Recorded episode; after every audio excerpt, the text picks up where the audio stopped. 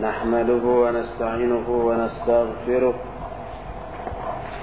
ونعوذ بالله من شرور أنفسنا وسيئات أعمالنا.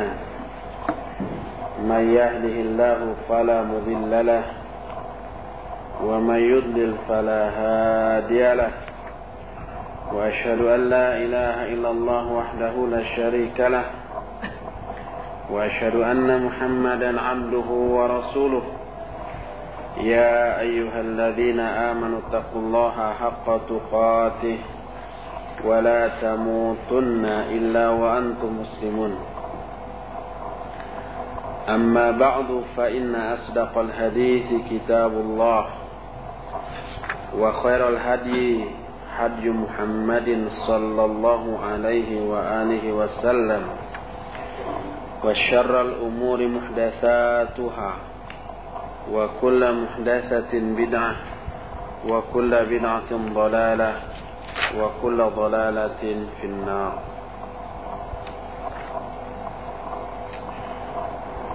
Ikhwati fillah Hari Ahad yang lalu Kita sudah selesai membahas Hadis ke 369 Tentang Mencintai Allah dan Rasulnya Orang yang bertanya tentang hari kiamat Lalu ditanya apa persiapanmu tentang hari kiamat itu? Dia menjawab cinta kepada Allah dan Rasulnya. Lalu dijawab oleh Nabi Sallallahu Alaihi Wasallam, Anta ma'aman ahbabta. Engkau akan bersama dengan orang-orang yang engkau cintai. Penjelasan tentang hadis itu sudah kita terangkan kemarin. Sekarang kita akan lanjutkan ke hadis 370. Hadis ini diterima dari Abdullah bin Mas'ud radhiyallahu an yang maknanya sama dengan hadis ke-368 yang sudah dibahas kemarin. Kata Abdullah bin Mas'ud, "Ja'a rajulun ila Rasulillah sallallahu alaihi wa alihi wasallam."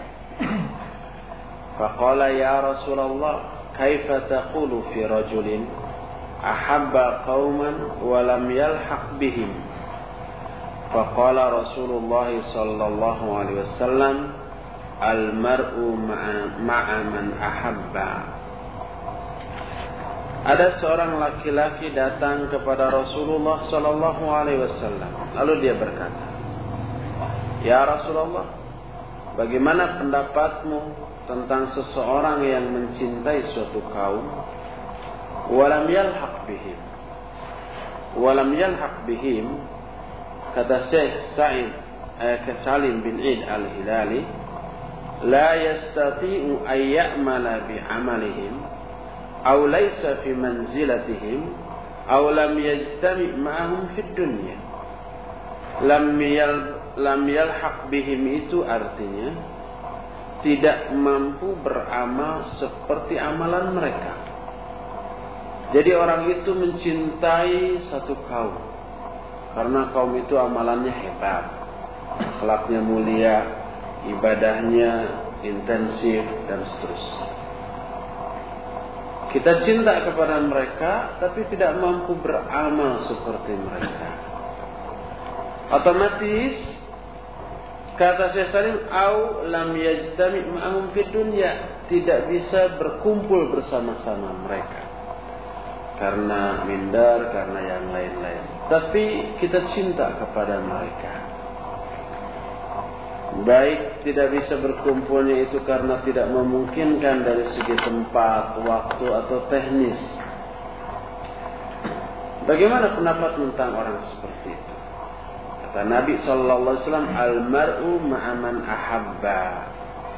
Bahwa seseorang akan bersama-sama dengan orang yang dicintainya.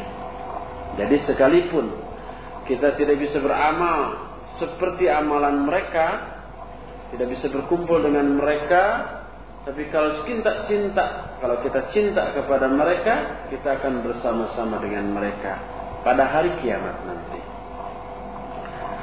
Penjelasan tentang hadis ini sudah kita terangkan kemarin. Itulah hadis ke-370. Hadis ke-371. Ini yang menjadi rahasia. Kenapa kita bisa bersatu bersahabat dengan orang-orang tertentu dan kenapa kita tidak bisa bersatu bersahabat dengan orang tertentu lainnya. Kenapa dengan si ini bisa ya akrab, sesobatan, bersahabat, dengan yang lain kok enggak? Salah satu rahasianya pada hadis ke-371 ini. Hadis ini diterima dari Abu Hurairah radhiyallahu anhu dari Nabi alaihi salatu wassalam. Kata beliau kata Nabi sallallahu alaihi wa alihi wasallam an-nasu ma'adinun. An-nasu ma'adinu. Kama'adini dhahabi wal fiddah. Khiyaruhum fil jahiliyah khiyaruhum fil islam idza faquhu wal arwahu junudun mujannada. Fama ta'arafa minha ikhtalafa wa ma tanakara minha ikhtalafa. Rawahu muslim. Kata Nabi sallallahu alaihi wasallam manusia itu seperti barang tambang ma'adin. Artinya kata uh, Syekh Salim, Ma'adin itu jamak dari ma'dan. Wa huwa syai'ul mustaqarru fil ard wa qad yakunu nafisan aw khasisan. Ma'dan itu sesuatu yang terpendam di dalam di, di muka bumi, di dalam perut bumi. Kadang-kadang berharga mahal seperti emas, perak, batu bara dan yang sejenisnya ya. Kadang-kadang ada juga yang murah seperti tembaga kayak begitu. Manusia itu seperti barang tambang, seperti tambang emas dan perak. Orang-orang terbaik dari kalangan mereka di zaman jahiliyah akan tetap menjadi orang terbaik setelah mereka masuk Islam. Jadi ada beberapa karakter yang baik sekalipun dia belum Islam. Seperti dermawan, seperti suka menolong orang, suka menjamu tamu, itu kan karakter baik. Yang ini dimiliki juga oleh orang-orang kafir. Pergaulannya menyenangkan. Orang-orang terbaik di kalangan mereka di zaman jahiliyah akan tetap menjadi orang terbaik setelah mereka masuk Islam idza faquhu apabila mereka faham faqih. Wal arwahu junudun mujannada sedangkan ruh-ruh manusia seperti bala tentara yang dikerahkan seperti kalau menurut Syekh Salim junudun mujannada itu jumu'un mujtami'atun wa anwa'un mukhtalifah. Yaitu sekumpulan yang berkumpul dan berjenis-jenis, berbeda-beda, bermacam-macam. Ruh-ruh manusia itu seperti itu. Siapa saja ruh yang saling mengenal, maka dia akan bersatu dan yang saling mengingkari atau tidak kenal mereka akan ikhtilaf. Hadis ini diriwayatkan oleh Imam Muslim. Juga diriwayatkan oleh Imam Bukhari dari Aisyah radhiyallahu anha. Dari hadis ini ada beberapa faidah yang bisa kita ambil. Pertama, manaqibul jahiliyah wa khairi fiha la yu'tadda biha إلا illa idza aslama ashabuha. Pertama, karakter jahiliyah, karakter yang baik di zaman jahiliyah. Serta perbuatan-perbuatan yang baik di zaman jahiliyah tersebut itu tidak ada gunanya. Tidak ada manfaatnya kecuali apabila orang yang memiliki karakter yang baik dan amal yang baik itu masuk Islam. Barulah akan ada manfaat. Dan kebaikan yang pernah mereka lakukan di zaman jahiliyah sebelum Islam kalau mereka tidak masuk Islam percuma gugur semua amal. Dalam ayat disebutkan la in asyrakta la yahbatanna amal. Kalau kamu musyrik gugur semua amal-amal. Terhapus. Jangankan musyrik ya, jangankan keluar dari Islam. Masih dalam ruang lingkup status keislaman tapi mengucapkan satu kalimat tertentu saja bisa gugur semua amalnya seperti yang kita bahas kemarin yaitu orang yang bersumpah mengatasnamakan Allah dalam memfonis orang lain dalam hal-hal yang hanya menjadi hak prerogatif Allah seperti demi Allah Allah akan tidak akan mengampuni kamu nah seperti gugur kata Abu Hurairah takallama bi kalimatin au baqat dunyahu wa akhiratahu dia sudah mengatakan satu perkataan yang menghancurkan dunia dan akhirat. Padahal dia masih muslim. Apalagi kalau keluar dari Islam. Bukan muslim. Gugur semuanya.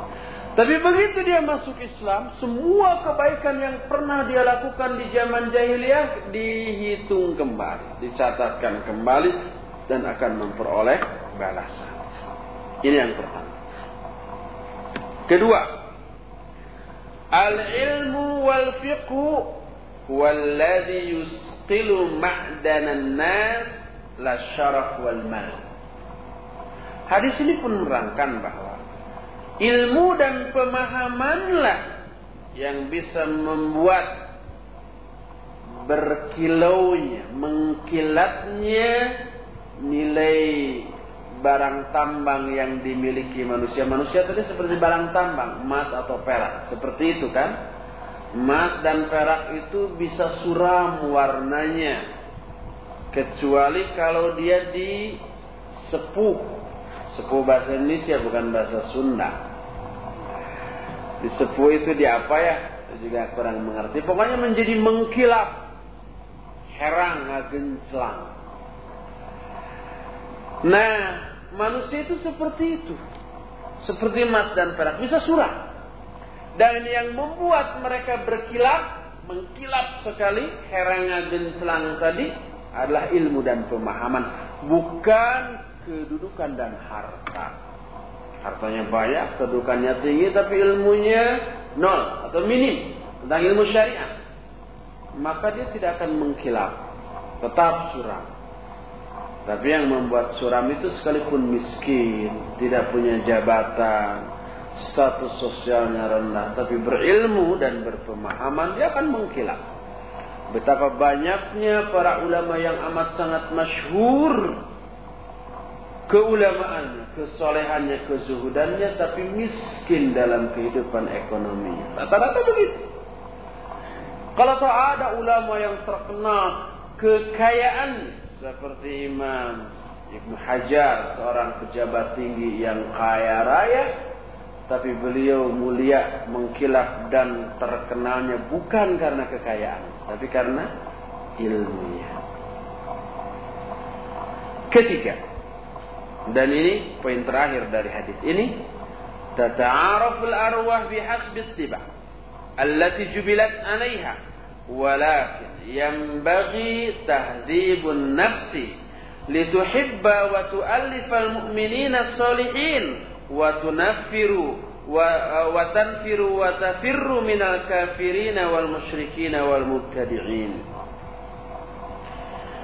Ketiga hadis ini pun merangkan bahwa para ruh akan saling mengenal sesuai dengan tabiat yang memang dia telah diciptakan di atas tabiat itu. Sesuai dengan tabiat pembawaannya masing-masing. Ruh itu akan seperti. Ini ada tabiat yang keras, seperti Umar bin Khattab. Ketika zaman jahiliyahnya keras, lah masuk Islamnya juga tetap keras. Tapi beda kalau kerasnya dulu keras karena emosi, karena hawa nafsu. Kalau sekarang keras karena ilmu dan menempatkan sikap kerasnya itu pada tempat yang sebenarnya. Di tempat lain lunak, menangis, takut yang seperti itu. Tunduk kepada orang yang lebih bawah dari dia dari ilmu dan jabatannya karena orang lain dianggap benar dan dirinya salah. Kekerasannya itu tidak diterapkan sekehendak dia. Saya senior, saya lebih tinggi jabatannya sebagai khalifah, saya lebih berilmu, ber, lebih lama bersahabat dengan Nabi SAW. Kemudian dia arogan. Enggak, enggak seperti itu. Ada ruh yang tabiatnya seperti itu ada yang lunak, lemah lembut, dan seterusnya. Ada juga yang ngeyel. Jadi para ruh saling mengenal sesuai dengan tabiat yang dia bawa sejak awal, sejak masa penciptaan. Akan tetapi, hendaklah setiap jiwa, setiap orang membersihkan jiwanya masing-masing agar dia bisa mencintai dan menyatu bersikap lunak dengan sesama mukmin yang solihin dan bisa lari menjauh dari orang-orang kafir, musyrik dan ahli bid'ah. Jadi karakter sulit dirubah, tetapi bisa dikendalikan dan ditempatkan pada tempat yang semestinya. Kapan harus keras, kapan harus lunak. Kalau umpamanya karakternya keras, membahas apa pun, membahas akhlak, kelembutan hati, karena pembawaannya keras, tetap aja cara membahasnya juga kayak membentak-bentak. Sehingga mustami merasa dimarahi oleh materi yang sedang dibahas. Ada yang berkarakter begitu. Apalagi kalau membahas jihad. Ada lagi orang yang lemah lembut membahas jihad juga sambil ngantuk. Ada. Nah, itu karakter yang memang tidak dikendalikan oleh ilmu, oleh situasi, oleh uh, kondisi dan seterusnya. Itulah penjelasan hadis ke 371. 372.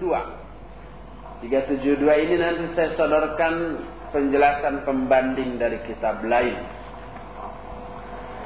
Sebab ini nanti menyangkut aplikasi dalam kehidupan kita sehari-hari yang sering-sering-sering diamalkan.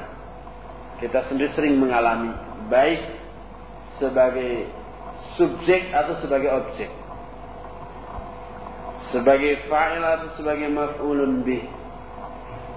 Sebagai yang meminta atau sebagai yang diminta. Coba aja lihat. Hadis 372 ini diterima dari Usair bin Amr. Dia disebut Ibnu Jabir. Kata Ibnu Jabir. Karena Umar bin Al-Khattab radhiyallahu anhu. Idza ata alaihi amdadu ahli al-Yaman sa'alahu. Afikum Uwais bin Amir? Hatta ata ala Uwais bin Amir radhiyallahu anhu. Faqala lahu. أنت أويس بن عامر؟ قال نعم. قال من مراد ثم من قرن؟ قال نعم.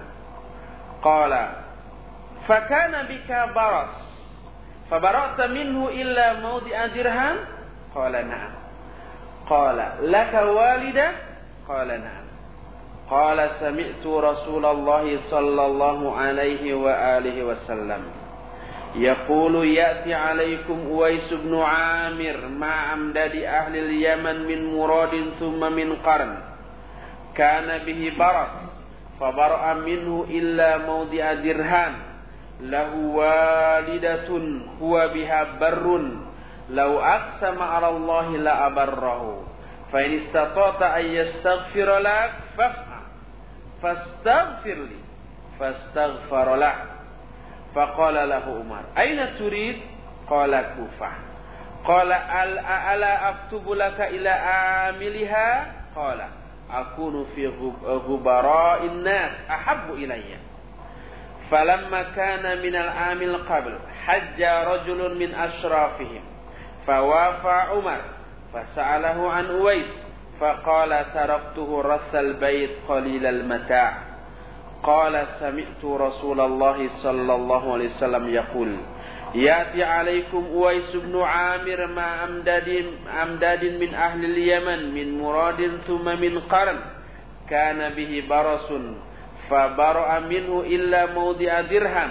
له والدة هو بها بر. لو أقسم على الله لأبره فإن استطعت أن يستغفر لك فافعل فأتى أويسا Faqala istaghfirli. Qala anta ahdathu ahdan bisafarin salihin fastaghfirli. Qala laqita Umar? Qala na'am. Fastaghfaralah. Fafutina lahun nas. Fantalaqa ala wajihi. Rawahu muslim. Kata Ibnu Jabir Umar Ibn Khattab radhiyallahu anhu apabila ada satu rombongan dari Yaman datang Umar selalu bertanya kepada mereka Apakah di antara kalian ada orang yang namanya Uwais bin Amir Terus nanya gitu Sampai suatu saat dia bertemu dengan Uwais Lalu Umar bertanya, "Anta Uwais bin Amir? Apakah engkau Uwais bin Amir?" Dijawab, "Iya." Apakah engkau dari Murad, kemudian dari Qarn? Murad nama sebuah kabilah, sedangkan Qarn nama tempat menetapnya kabilah itu. Dia menjawab, "Iya." Kata Umar lagi, apakah dulu kamu mempunyai baros? semacam borok atau kalau menurut Syekh Salim bin Id al-Hilali baros itu bayan bayadun yadharu fil badan ada warna putih yang nampak pada badan kalau sekarang semacam panu kurap yang sejenisnya Apakah dulu kamu punya kurap, kemudian kamu sembuh, kecuali ada yang tersisa sebesar benggol dirham. Tahu benggol? Koin. Saya sendiri tidak tahu sebesar apa koin dirham. Apakah sebesar uang seratusan dulu yang agak besar atau agak kecil sekarang atau segimana Allah. Pokoknya kamu dulu punya kurap, kemudian kamu sembuh kecuali yang tersisa itu satu koin sebesar koin itu. Kata Uwais ya mempunyai. Kata Umar, apakah kamu masih punya ibu? Dijawab, iya. Kemudian kata Umar, aku pernah mendengar Rasul Sallallahu Alaihi Wasallam bersabda, akan datang kepada kalian Uwais bin Amr bin Amir beserta rombongan dari Yaman, dari Murad, kemudian dari Qarn. Dulu dia mempunyai kurap kemudian sembuh kecuali yang tersisa hanya sebesar uang logam dirham. Dia masih mempunyai ibu dan Uwais ini amat sangat berbuat baik kepada ibunya. Seandainya Uwais ini bersumpah atas nama Allah pasti makbul sumpahnya itu. Maka apabila kamu bisa minta ampun memintakan ampun kepada dia, maka lakukanlah. Maksudnya minta ampunnya kepada Allah, tetapi minta tolong kepada dia agar dia memintakan ampun kepada Allah untuk kita. Maka kata Umar, mintakanlah ampun untukku. Kemudian Uwais bin Amir memintakan ampun kepada Allah untuk Umar. Padahal lebih mulia mana Umar sama Uwais? Umar itu jelas. Umar mah sahabat. Kalau Uwais tabi'in. Tapi sebaik-baik tabi'in. Tabi'in yang terbaik. Kata Umar mau ke mana engkau? Kata Uwais mau ke Kufah. Kata Umar mau nggak saya tuliskan surat untuk pemerintahan di Kufah. Kufah masih daerah uh, kekuasaan Umar. Umar jadi khalifah saat itu. Jadi gubernur di Kufah bawahan, mau nggak saya tuliskan surat? Kata orang itu, keberadaan saya di tengah-tengah manusia fakir, miskin, itu lebih saya cintai. Pada tahun berikutnya ada orang yang berhaji dari negeri yang senegeri dengan Uwais. Orang itu bangsawan. Lalu bertemu Umar. Umar bertanya kepada dia tentang Uwais. Mana Uwais gitu. Dia menjawab, aku tinggalkan dia Rasal bait qalilal mata, rasal bait maknanya rasa mata'iha waras huwa dun awil khuluq uh, apa khalqul bali. Jadi dia ini orang miskin yang hanya memiliki sedikit kekayaan. Wais kurang begitu memiliki status sosial yang tinggi di tengah masyarakatnya karena miskin. Jadi saya tinggalkan dia dalam keadaan sedikit kekayaan. Itu kata orang itu. Lalu kata Umar, aku pernah mendengar Rasul Sallallahu Alaihi Wasallam bersabda, akan datang kepada kalian Uwais bin Amir beserta rombongan dari penduduk Yaman. Dia dari Murad kemudian dari Qarn. Dulu dia mempunyai kurap lalu sembuh kecuali yang tersisa adalah sebesar logam dirham.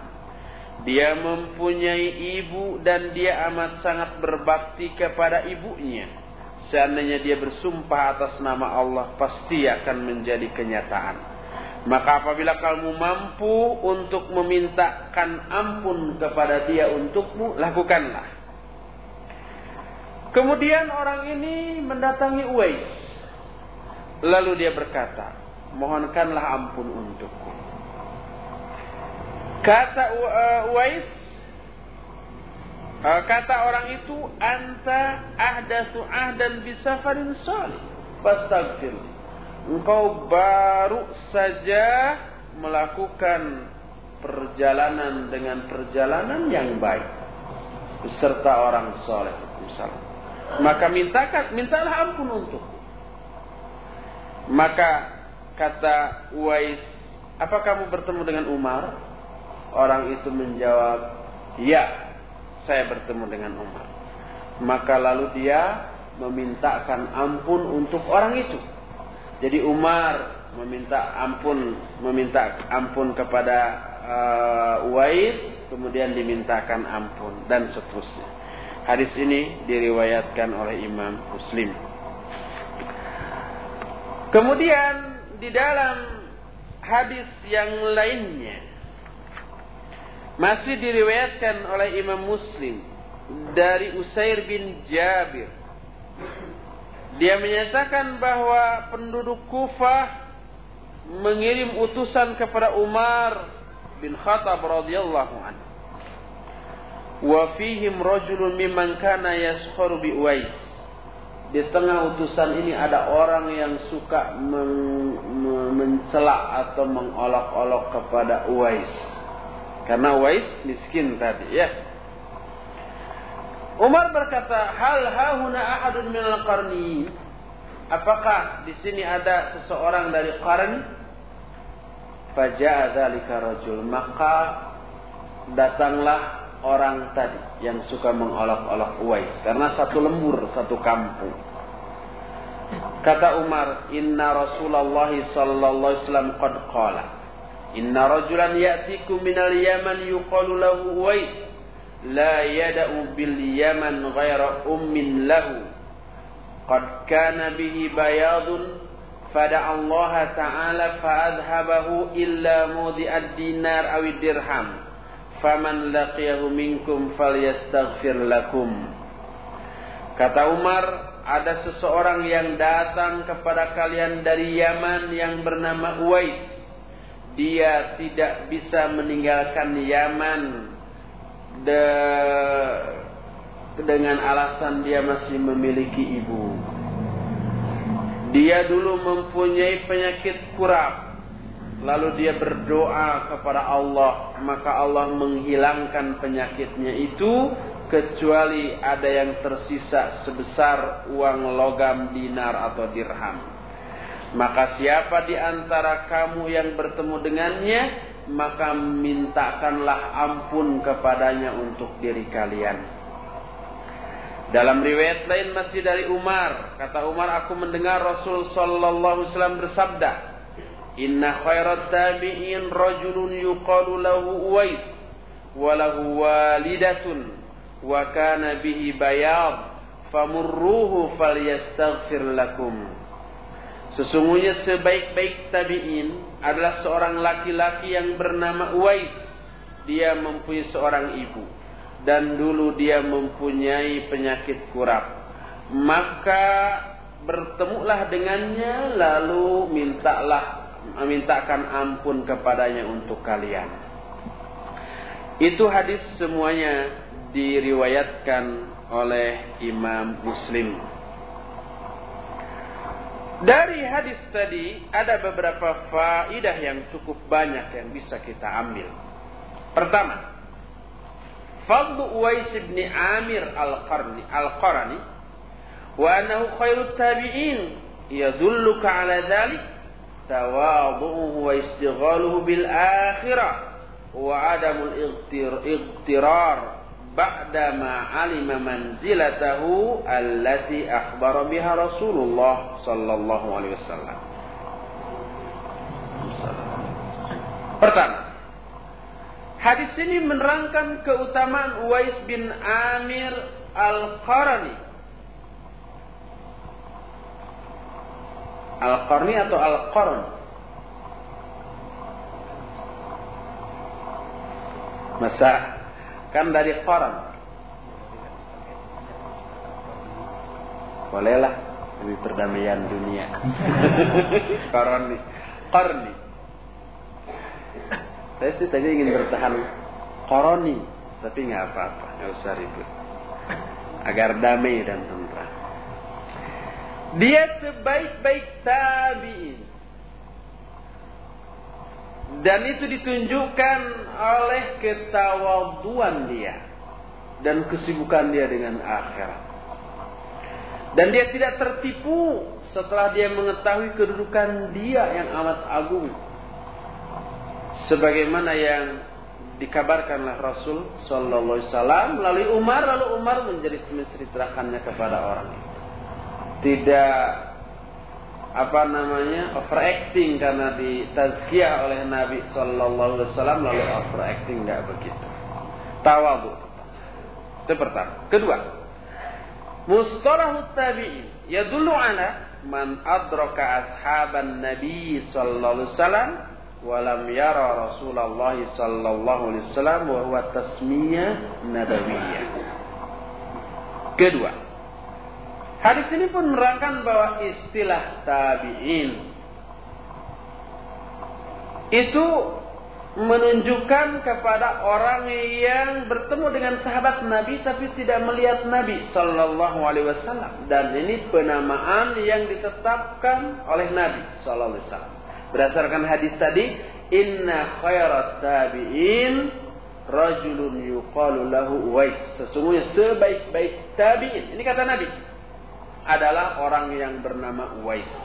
Jadi istilah tabi'in bukan karangan para ahli hadis, tapi istilah yang diberikan oleh Nabi Shallallahu Alaihi Wasallam, yaitu orang yang bertemu dengan sahabat, belajar Islam dari sahabat, tapi tidak bertemu dengan Nabi Shallallahu Alaihi Wasallam karena mereka baru lahir, Nabi sudah meninggal, sehingga nggak bertemu. Bertemunya dengan sahabat. Itulah tabi. Ketiga, min mu'jizati Rasulullah sallallahu alaihi wasallam ikhbaruhu an umurin qabla wuqu'iha wa dzalika biwahyin min Allah. Ketiga hadis ini pun menjelaskan bahwa di antara mukjizat Rasul sallallahu alaihi wasallam adalah beliau bisa menginformasikan kejadian-kejadian sebelum itu terjadi. Kata orang Jawa, ruh sadurung winarah. Apa artinya? Tahu sebelum kejadian gitu ya, mananya ya. Saya bukan orang Jawa. Jawa, tapi Jawa Barat. Urusan durung winarah itu tahu sebelum kejadian. Itu bukan dukun yang begitu. Dukun nggak tahu. Nabi Wasallam tahu. Contohnya kasus datangnya Uwais. Uwais sendiri belum lahir, Nabi Wasallam sudah mengatakan nanti akan ada rombongan dari Yaman, ada orang namanya Uwais. Dia ciri-cirinya malah dijelaskan ya. Dari uh, apa namanya uh, kampungnya ini, kabilahnya ini, kemudian dia punya penyakit anu dan tersisa uh, satu benggol seperti punya ibu berbuat baik kepada ibu. Begitu. Ciri-ciri tapi Rasul SAW sudah tahu. Padahal itu belum kejadian. Ah, Uwaisnya juga belum lahir mungkin saat itu. Ini mukjizat dan ini diketahui berdasarkan wahyu dari Allah Subhanahu wa taala. Ini termasuk hal yang lain. Alimul ghaibi fa wala fala wala yudhiru fala fala yudhiru ala ghaibihi ahada illa man irtada min rasulin. Allah itu mengetahui yang gaib dan Allah tidak memberitahukan hal yang gaib ini kepada seorang pun kecuali kepada orang-orang yang diridhoi dari kalangan rasulnya. Nah, itu yang diberi berita yang gaib. Tidak seluruhnya. Tidak seluruh yang gaib diberitahukan, tapi beberapa perkara gaib diberitahukan. Termasuk contohnya ini. Keempat, talabu du'a minas solihin. Wa in kana talibu afdal. Wa, wa iltinamu manturja ibadatu eh, ijabatuha. Keempat, hadis ini menceritakan juga tentang bolehnya meminta doa kepada orang-orang soleh sekalipun orang yang meminta doa itu lebih utama dari yang dimintai. Seperti tadi Umar dengan Uwais lebih utama mana? Umar. Tapi Umar minta di doakan, minta dimintakan ampun kepada Uwais. Wa iktinamu man turja ibadatu ijabatuhu dan memanfaatkan keberadaan orang yang doanya diharapkan untuk diijabah oleh Allah Subhanahu wa taala. Ini pendapat Syekh Salim bin Id Al-Filan dalam kitabnya ini menerangkan bolehnya kita meminta doa kepada orang yang kita anggap soleh, sekalipun dia ini lebih rendah dari kita umpamanya. Seperti Umar meminta dimintakan ampun oleh Wais. Pada Uwais lebih rendah daripada Umar dan Umar lebih utama daripada Uwais. Dalam masalah ini nanti ada penjelasan lain ya yang akan saya ambil dari Syekh Muhammad bin Shalih Al Utsaimin rahimahullah taala. Kelima, al-iqraru bil fadli li ahli. Hadis ini pun menerangkan menetapkan keutamaan kepada orang yang berhak menerimanya. Keutamaan Uwais tadi. Keenam, fadlu birril walidah wa annahu min afdalil qurabah. Hadis ini pun menerangkan keutamaan berbuat baik kepada ibu dan ini termasuk metode pendekatan diri kepada Allah yang amat utama, paling utama. Sehingga Uwais dianggap memiliki keutamaan sehingga kalau dia bersumpah juga bisa terkabul itu karena dia berbuat baik kepada ibunya. Ketujuh, tawadhu Umar bin Al-Khattab radhiyallahu anhu wa hirsuhu 'ala al-khair wa huwa yawma idin khalifatul muslimin. Hadis ini pun menerangkan sikap tawadu Umar bin Khattab radhiyallahu an dan sikap tamak beliau kepada kebaikan. Tamak serakah kepada kebaikan adalah baik, bagus. Dia ingin memperoleh semua kebaikan, ingin peroleh pahala, ampunan, rahmat, ilmu itu bagus yang jelek tamak dan serakah terhadap dunia, harta, jabatan. Uh, Sudah punya mobil tiga ingin sepuluh. Sudah punya istri tiga boleh kali masih nambah seempat. Nggak apa-apa itu bukan serakah yang tercela. Kemudian sudah mempunyai rumah lima itu pun sebagian nggak keurus ingin sepuluh. Itu baru serakah yang tercela. Tapi kalau serakah kepada kebaikan bagus apa oh kelewat Nanti ini dulu nggak apa-apa ya, nanti nggak gajlok ke atas. Jazakallah. Padahal saat itu Umar sebagai khalifah, imam besar seluruh kaum muslimin sejagat. Tapi tetap beliau tawadhu, tetap walaupun beliau memiliki keutamaan dijamin masuk surga, tapi pas ada kesempatan ingin dimintakan ampun oleh orang yang lebih rendah, meminta ampun dia meminta meminta agar dia diampuni dosanya oleh Allah melalui doa Uwais tadi. Serakah ya kepada ampunan dia. Bagus serakah kepada ampunan. Tawadu tidak mentang-mentang dia lebih utama, ah nggak perlulah meminta ampun kepada orang seperti itu.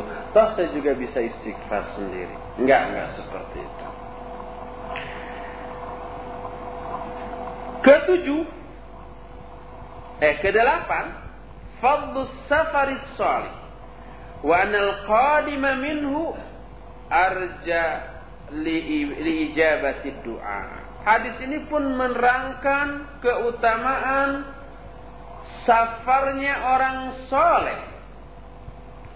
Bepergiannya orang yang soleh dan orang yang uh, bepergiannya dengan bepergian yang benar seperti mencari ilmu, berhaji, menyebarkan ilmu, bukan hal-hal yang sifatnya hura-hura, apalagi musyrik. Musafar ziarah ke makam wali anu meminta jodoh di sana. Ah, itu nggak masuk. Bukan uh, safar yang soleh, bukan safar yang benar, yang lurus. Itu safar yang salah. Sebaliknya dari yang soleh. Jadi safar untuk mencari ilmu ikut daurah atau juga kalau umpamanya antum mampu mengisi daurah atau umpamanya tidak bisa mengisi daurah dan tidak bisa menjadi peserta daurah karena tidak layak untuk jadi peserta dagang kaset di sana buku-buku yang benar atau dibagikan secara gratis. Saya nggak bisa dakwah nih dengan cara ceramah langsung tapi saya punya uang banyak saya bagikan kaset ceramah. Nih gratis saya bagikan buku majalah diborong umpah sunnah diborong seribu nih gratis. Itu juga bisa. Safar lagi keluar kota oh itu luar biasa. Dan orang yang baru saja pulang dari safar seperti itu lebih diharapkan lebih dimungkinkan doanya diijabah oleh Allah Subhanahu wa taala. Jadi kalau ada orang yang baru pulang safar, boleh minta doa kepada orang itu. Habis haji umpamanya, apalagi habis haji dosa-dosa diampuni dan seterusnya. Minta doa boleh. Liman salim atilan. Atau umpamanya habis daurah. Wah, baru pulang dari daurah, silakan minta doa kepada dia. Kesembilan, fil hadisi bayanun li tariqi ta'aruf 'ala al-ashkhas wa dhalika bi taqdimil ism thumma ma yata'allaqu bihi min kunyatin aw mautin aw wasfin. Dalam hadis ini terkandung penjelasan tentang metode ta'aruf metode mengenal pribadi seseorang. Yaitu dengan dimulai menanyakan nama. Apakah kamu yang namanya Uwais bin Amir? Kan gitu. Nah kemudian diikuti dengan hal-hal yang berkaitan dengan dia. Kunyahnya apa, abu apa, kemudian tempatnya, sifatnya dan yang lain-lainnya. Ke sepuluh. Hirsu Rasulullah sallallahu alaihi wasallam ala taujihi ashabihi li ahli al-khair was salah wa li liqa'ihim wa ru'yatihim wa talabi du'a minhum Hadis ini pun merangkan betapa sungguh-sungguhnya Rasul sallallahu alaihi wasallam untuk memberikan petunjuk bimbingan kepada sahabat-sahabatnya. Li ahlil khairi was untuk menjadi ahli khair. Orang-orang yang ahli kebaikan ahli ke kesolehan. Dan untuk bertemu dengan mereka melihat mereka dan meminta doa dari mereka jadi dengan cara tadi informasikan nanti ada orang anu dari anu begini begini begini kalau kamu ketemu mintakan ampun uh, kepada dia. Itu tauji bimbingan. Ke-11 Jawazu i'tizalin nas idza khasyal mar'u ala nafsihi fitnah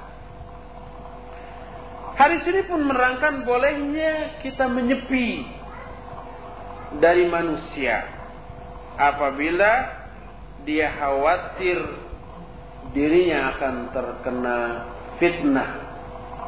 Dan yang terakhir dari hadis ini al-insan bijauhir bijauharihi walaysa bimadharihi. Walidzalik fa inna miqyasal ubad linnas ghairu miqyasil haqqi tabaraka wa ta'ala.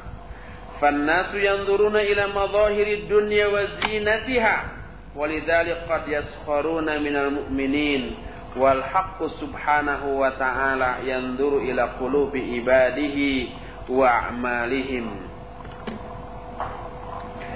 Hadis ini pun merangkan bahwa seorang manusia itu dinilai dari kelebihannya bukan dari lahiriahnya. Oleh karena itu, standar penilaian manusia dalam pandangan manusia berbeda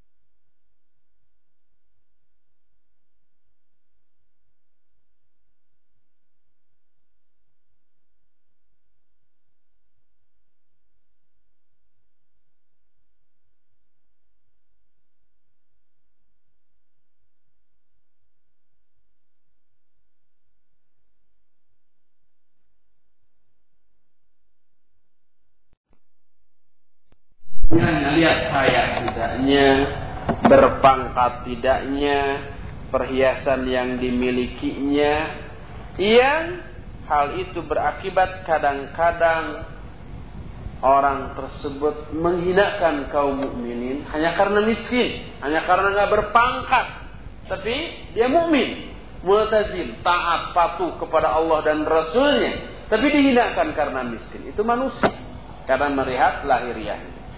Adapun Allah melihat kepada hati dan amal. Inna Allah la yanduru ila ila suarikum Sungguhnya Allah itu tidak akan melihat kepada bentuk tubuh kamu. Tapi di akhir hadis itu dikatakan walakin yanzuru ila a'malikum wa qulubikum. Tapi melihat kepada amal dan hati-hati kalian. Dan ini pula lah yang kata Abdullah bin Mas'ud yang menjadi alasan kenapa yang diangkat jadi nabi itu orang yang namanya Muhammad. Orang Mekah dan tinggalnya saat itu tahun 500 sekian. 500 Masehi 571 lahir di sana namanya Muhammad bin Abdullah di Mekah itu yang diangkat jadi nabi kenapa yang diangkat tidak yang diangkat jadi nabi itu bukan kita yang hidup di Bandung pada abad sekarang juga kenapa yang dihidupkan ditakdirkan menjadi sahabat-sahabat nabinya itu mereka seperti Abu Bakar, Umar, Utsman, Ali dan yang lain-lainnya. Kenapa kita tidak kita saja yang dihidupkan saat itu dan dihidupkan di sana? Di Mekah. Sehingga kita mungkin sering berangan-angan seandainya saya waktu itu hidup di sana sejaman dengan Nabi sallallahu alaihi wasallam pasti sayalah yang akan menjadi Abu Bakar atau malah lebih baik daripada Abu Bakar. Kan gitu. Sering berangan-angan. Ini rahasia saya juga dulu berangan-angan begitu. Karena apa? Karena Nabi SAW dipilih oleh Allah untuk menjadi nabinya karena terbaik hatinya dibanding hati mana pun. Kata Abdullah bin Mas'ud, Inna Allah yanduru ila qulubil ibad fawajada qalba Muhammadin khair qulubil ibad. Sungguhnya Allah melihat kepada hati-hati manusia. Lalu Allah mendapatkan bahwa hati Muhammad adalah sebaik-baik hati manusia, maka Allah memilihnya dan mengangkatnya menjadi nabi. Kan gitu. Kemudian summa yanzuru ila qulubil ibad ba'da qalbi Muhammadin sallallahu alaihi wasallam fawajada anna quluba ashabihi khaira qulubil ibad. Kemudian setelah itu Allah memperhatikan lagi hati-hati manusia lain selain hati Muhammad. Maka Allah temukan bahwa hati-hati para sahabatnya merupakan sebaik-baik hati manusia. Lalu Allah memilih mereka untuk menjadi sahabat nabinya dan menjadi pembela nabinya. Pantas mereka terpilih menjadi para sahabat itu karena hati mereka terbaik. Kenapa tidak kita yang dipilih oleh Allah untuk menjadi sahabat Nabi dan hidup pada zaman itu? Karena hati kita ini jangankan layak jadi sahabat, jadi tabiin pun tidak layak. Jadi ulama juga tidak layak, layaknya jadi toli terus. Suka telat lagi datang. Kadang-kadang absen lagi dan seterusnya. Oh, pantas bukan kita yang dipilih. Kalau umpama kita hidup dengan hati begini, hidup pada zaman itu, mungkin kita menjadi orang penentang utama terhadap dakwah Nabi. Syukurlah Allah menghidupkan kita pada hari ini karena hati kita kondisinya begini. Alhamdulillah hati yang seperti ini jeleknya, tapi hidup di zaman yang amat jelek menjadi agak baik. Ya, sehingga orang-orang mah ke tempat-tempat maksiat, kita mah ke masjid, ibadah, ngaji dan seterusnya. Jadi hati dan amal yang menjadi ukuran. Itu tadi tentang bolehnya meminta doa kepada orang-orang soleh adalah salah satu pendapat di kalangan para ulama. Tapi tidak semuanya sepakat dengan pendapat itu. Kata Syekh Muhammad bin Saleh Al Utsaimin rahimahullahu taala bahwa meminta doa kepada orang lain tidak diperbolehkan kecuali pertama kepada Nabi Shallallahu Alaihi Wasallam kedua kepada orang yang memang ditunjuk oleh Nabi ditakyin oleh Nabi Sallallahu Alaihi Wasallam untuk dimintai doanya seperti kasus Umar memintakan ampun kepada Wais bin Amir. Adapun hadis yang berkaitan dengan itu pertama hadisnya baik. Yang dimaksud hadis baik itu adalah hadis yang ke-373 yang selanjutnya. Dari Umar bin Khattab. Kata Umar bin Khattab istadantu nabiyya fil umrah fa'adinan. Wa qala la tansa ya akhi min du'aik faqala kalimatan ma yasurruni anna li biha dunya kata Umar saya minta izin kepada Nabi untuk umrah beliau mengizinkan lalu berkata jangan lupa uh, jangan lupakan kami hai Umar dalam doa-doamu. Jadi ini Nabi Shallallahu Alaihi Wasallam minta agar Umar mendoakan dirinya dalam doa-doa Umar ya.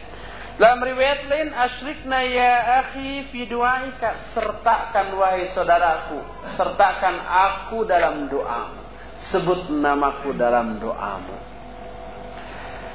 Hadis ini sahih riwayat Abu Daud dan At-Tirmidzi lalu At-Tirmidzi menyatakan hadis ini hasan sahih. Itu kata Imam An-Nawawi. Hadis ini sahih. Tapi menurut Syekh Al-Utsaimin menurut Syekh Salim Al-Hilali hadis ini dhaif. Kenapa dhaif? Karena salah seorang rawi namanya Asim bin Ubaidillah dhaif. Oleh karena itu pensahihan Imam An-Nawawi kepada hadis ini sekedar taklid terhadap Imam At-Tirmidzi. Oleh karena itu hadis ini dhaif. Kata Syaikhul Utsaimin Umar bin Khattab annahu arada an ya'tamir faqala lahu an-nabi la tansana min du'aika aw ashrikna fi du'aika fa hadha hadithun dha'ifun wa in sahhahul muallif. Adapun hadis Umar ketika akan umroh lalu kata Nabi jangan lupakan kami dalam doamu atau dalam riwayat lain sertakan kami dalam doamu hadis ini dhaif sekalipun disahihkan oleh muallif oleh Imam An-Nawawi. Kenapa? Karena kata beliau, mualif itu Imam An-Nawawi, salah satu manhaj beliau di dalam masalah hadis, "Idza kana al-haditsu fi fadailil a'mal fa innahu yatasahalu fil hukmi alaihi wal amal bihi." Kalau Imam An-Nawawi ini mensikapi hadis-hadis tentang fadailul a'mal beliau memudah-mudahkan untuk menetapkan hukum dan beramal tentang hadis tentang fadailul amal itu sekalipun baik. Oleh karena itu maka pensahihan Imam An-Nawawi itu tidak bisa diterima.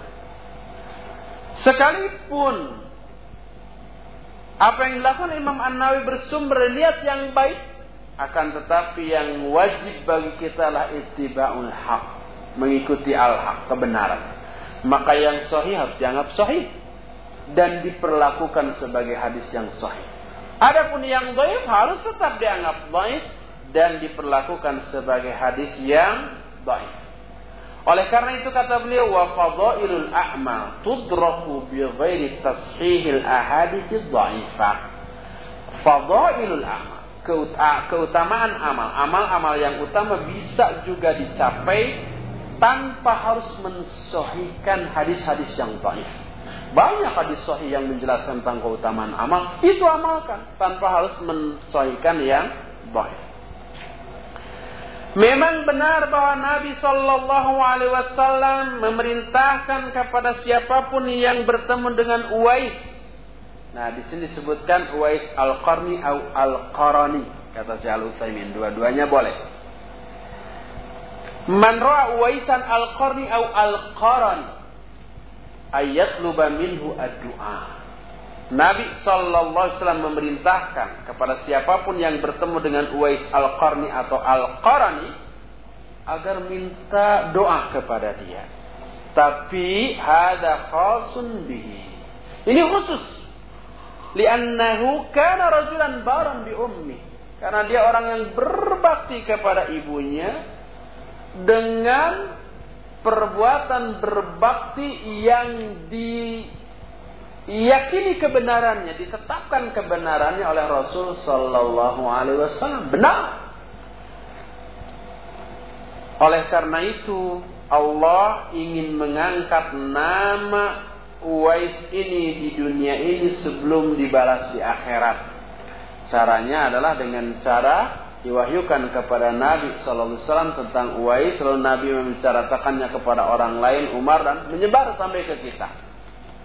Adapun kita sekarang, umpamai melihat ada ikhwan, baik ke ibunya, ke orang tuanya, apa seperti Uwais. Apakah boleh kita kita minta doa kepada dia karena Nabi pun menyuruh orang minta doa kepada Uwais? Tidak. Karena apa? Karena kita menilai baik kepada orang itu sepengetahuan kita. Menurut kita baik. Mungkin di belakang kita nggak tahu bahwa jelek umpamanya. Atau niatnya kita nggak tahu niat dia. Umpamanya dalam hatinya ngedumel dia terpaksa berbuat baik itu hanya karena umpamanya uh, tidak ingin aja disebut sebagai anak durhaka tapi dalam hatinya semoga ibunya cepat matilah biar nggak lelah. Mungkin aja kan kita nggak tahu. Tapi Allah tahu. Rasulnya juga diberitahu. Uwais tidak begitu. Murni betul-betul perbuatan baiknya oleh karena itu distasiah oleh Nabi Shallallahu Alaihi Wasallam dan dibolehkan bagi kita meminta doa dari dia. Sebagai bukti adalah Nabi Shallallahu Alaihi Wasallam tidak pernah memerintahkan seseorang untuk meminta doa kepada orang lain, sekalipun di sana ada orang yang lebih utama dari Uwais. Abu Bakar lebih utama dari Uwais. Juga sahabat-sahabat lainnya, seluruh sahabat lebih utama daripada Uwais. Siapa yang meragukan iman Abu Bakar, Umar, Utsman, Ali dan yang lain-lainnya? Tapi sekalipun mereka orang-orang yang amat sangat utama, tidak pernah Nabi Shallallahu Alaihi Wasallam memerintahkan kepada seseorang untuk meminta doa dari mereka. Enggak. Yang benar kata Syalutain bahwa ia la yang bagi ayat lu ahadud doa min ghairi Tidaklah diperbolehkan seorang untuk minta doa kepada yang lainnya sekalipun orang yang dimintai doa itu orang yang soleh. Karena hal tersebut bukanlah termasuk contoh dari Nabi SAW ataupun contoh dari para khulafa yang rasyidin. Ada apabila isi doanya bersifat umum Artinya kita minta doa kepada orang yang soleh untuk berdoa demi kepentingan umum. Seperti minta diturunkan hujan. Minta dihentikan fitnah dan bahaya serta kekacauan dari manusia dan yang sejenisnya. Maka ini boleh. Tidak apa-apa karena demi kemaslahatan bersama bukan pribadi. Sebagaimana umpamanya kalau kita minta harta kepada orang lain, tapi harta itu bukan untuk pribadi kita, tapi untuk orang fakir, orang miskin. Sebagaimana yang dilakukanlah Rasulullah SAW. Maka itu boleh. Tapi minta harta untuk diri sendiri, enggak. Minta harta. Coba ada orang-orang yang butuh uang. Butuh dana amat sangat terdesak. Coba yang siapa yang punya rezeki yang lebih, coba uh, keluarkan, salurkan ke saya. Nanti saya sampaikan ke dia. Ini boleh, tidak tercela dan tidak terhina. Tapi kalau umpamanya saya lagi butuh uang, saya menikah lagi, yang punya uang, coba minta masing-masing sejuta. Ini tercela, tidak boleh. Demikian pula Nabi Sallallahu Alaihi Wasallam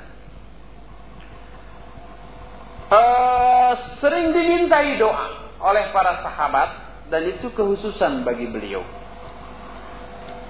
Seperti seseorang yang namanya Ukasa. Ketika kata Nabi Sallallahu Alaihi Wasallam bahwa ada 70 ribu orang dari umatku masuk surga tanpa hisab dengan ciri-ciri ini ini ini ini. Hadis ini dulu telah telah kita bahas dalam Fathul Majid.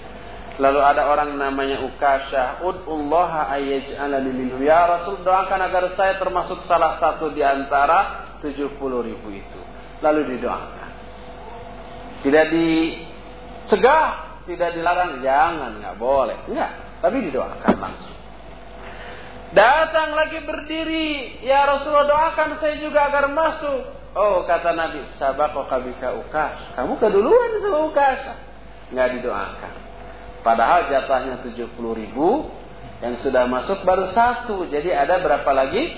69.999. Jadi kenapa orang ini tidak didoakan? Nah ini juga sudah kita bahas alasan-alasannya dahulu. Kenapa? Walhasil kata Nabi sallallahu alaihi wasallam, anna Rasul sallallahu alaihi wasallam min khususiyati ayus ala doa, amma ghairu fala. Kesimpulannya Rasul wasallam boleh dimintai doa sebagai kekhususan bagi beliau. Adapun selain beliau maka tidak. Contoh yang lain ketika ada seorang wanita seorang wanita wanita ini dijelaskan suka kesurupan asar atau menurut penjelasan lain bukan kesurupan tapi kena penyakit ayan yang gejalanya sama ya ayan juga seperti kesurupan. Sering kan? Lalu wanita ini datang kepada Nabi Shallallahu Alaihi Wasallam minta didoakan apa kata Nabi? In syi'ta da'autullah lak. In syi'ti ini akhwat. Bid. Ada akhwat yang suka datang, minta didoakan, minta fatwa, bahkan ya Rasulullah kalau laki-laki ada masa-masa tertentu ngaji sama engkau. Maka coba kami ada adakan untuk kami kata Nabi SAW coba berkumpul kami di tempat anu pada hari anu. Datang ngumpul akhwat semua lalu Nabi SAW ngaji khusus untuk akhwat. Layak disebut Nabi akhwat nggak? Karena beliau membina khusus para ibu para wanita, para akhwat. Tapi ada ya yang berani, oh ini Nabi akhwat. Tapi kalau ada ustadz yang khusus ngajar akhwat, ada ini ustadz akhwat. Kalau cuma sekali dua kali tidak selamanya, dan tetap aja disebut ustadz akhwat. Karakter sih. Sulit dirubah. Kata Nabi SAW, In syi'ti da'utullah lak. Wa in syi'ti sabarti walakil jannah. Kalau kamu mau, saya akan doakan kepada Allah untuk. Tapi kalau kamu mau, kamu sabar dan kamu surga bagiannya. Coba, mending didoakan, bakal semua atau mending kamu sabar dalam kondisi penyakit seperti itu, tapi surga jaminannya. Kata kata akhwat itu asbir walakin ud'ullaha alla tankashifa aurati. Saya akan sabar tapi doakan kepada Allah agar aurat saya tidak terbuka ketika kambuh. Karena ketika kesurupan atau ketika ayam kan nggak sadar ya, nggak tahu apa yang dialami oleh dirinya, mungkin auratnya terbuka dan seterusnya, kelihatan oleh ikhwan kenado dan seterusnya bahaya. Akhirnya dia minta, udahlah saya akan sabar tapi doakan agar kalau itu kamu saya nggak terbuka aurat. Nah seperti itu. Jadi ini meminta doa kepada Nabi Sallallahu Alaihi Wasallam. Itu kekhususan saja untuk beliau. Oleh karena itu maka kata Syaikhul Utsaimin na'am law arada al-insanu ayyas'ala min ghairihi du'a وقصده مصلحة الغير يعني يريد أن الله يثيب هذا الرجل على دعوته لأخيه أو أن الله تعالى يستجيب دعوته li'annahu idza da'al insan li akhihi bi dhahril ghaib qala al malak amin walaka bimisli fal a'mal bin niyat Memang benar kata Syahul Utsaimin, seandainya seseorang meminta doa dari yang lain, kemudian niatnya untuk kemaslahatan yang lain. Tolong doakan si Anu agar begini umpamanya. Dia minta berdoa kepada orang lain, dan yang di eh, apa isi doanya untuk kepentingan yang lain lagi. Maka uh, dia maksudnya agar Allah memberi pahala kepada orang ini uh, karena doanya kepada saudaranya atau Allah itu akan mengabulkan doanya maka ini bagus karena apabila seorang manusia berdoa untuk saudaranya tanpa sepengetahuan saudaranya umpamanya saya mendoakan si fulan Si fulan nggak tahu ya Allah, si fulan ekonominya amat sangat sulit, kayakan dia ya Allah, lancarkan rezekinya dan seterusnya. Dia juga belum dapat jodoh ya Allah beri akhwat yang paling solihah di antara yang ada dan beri saya yang lebih solih dari itu.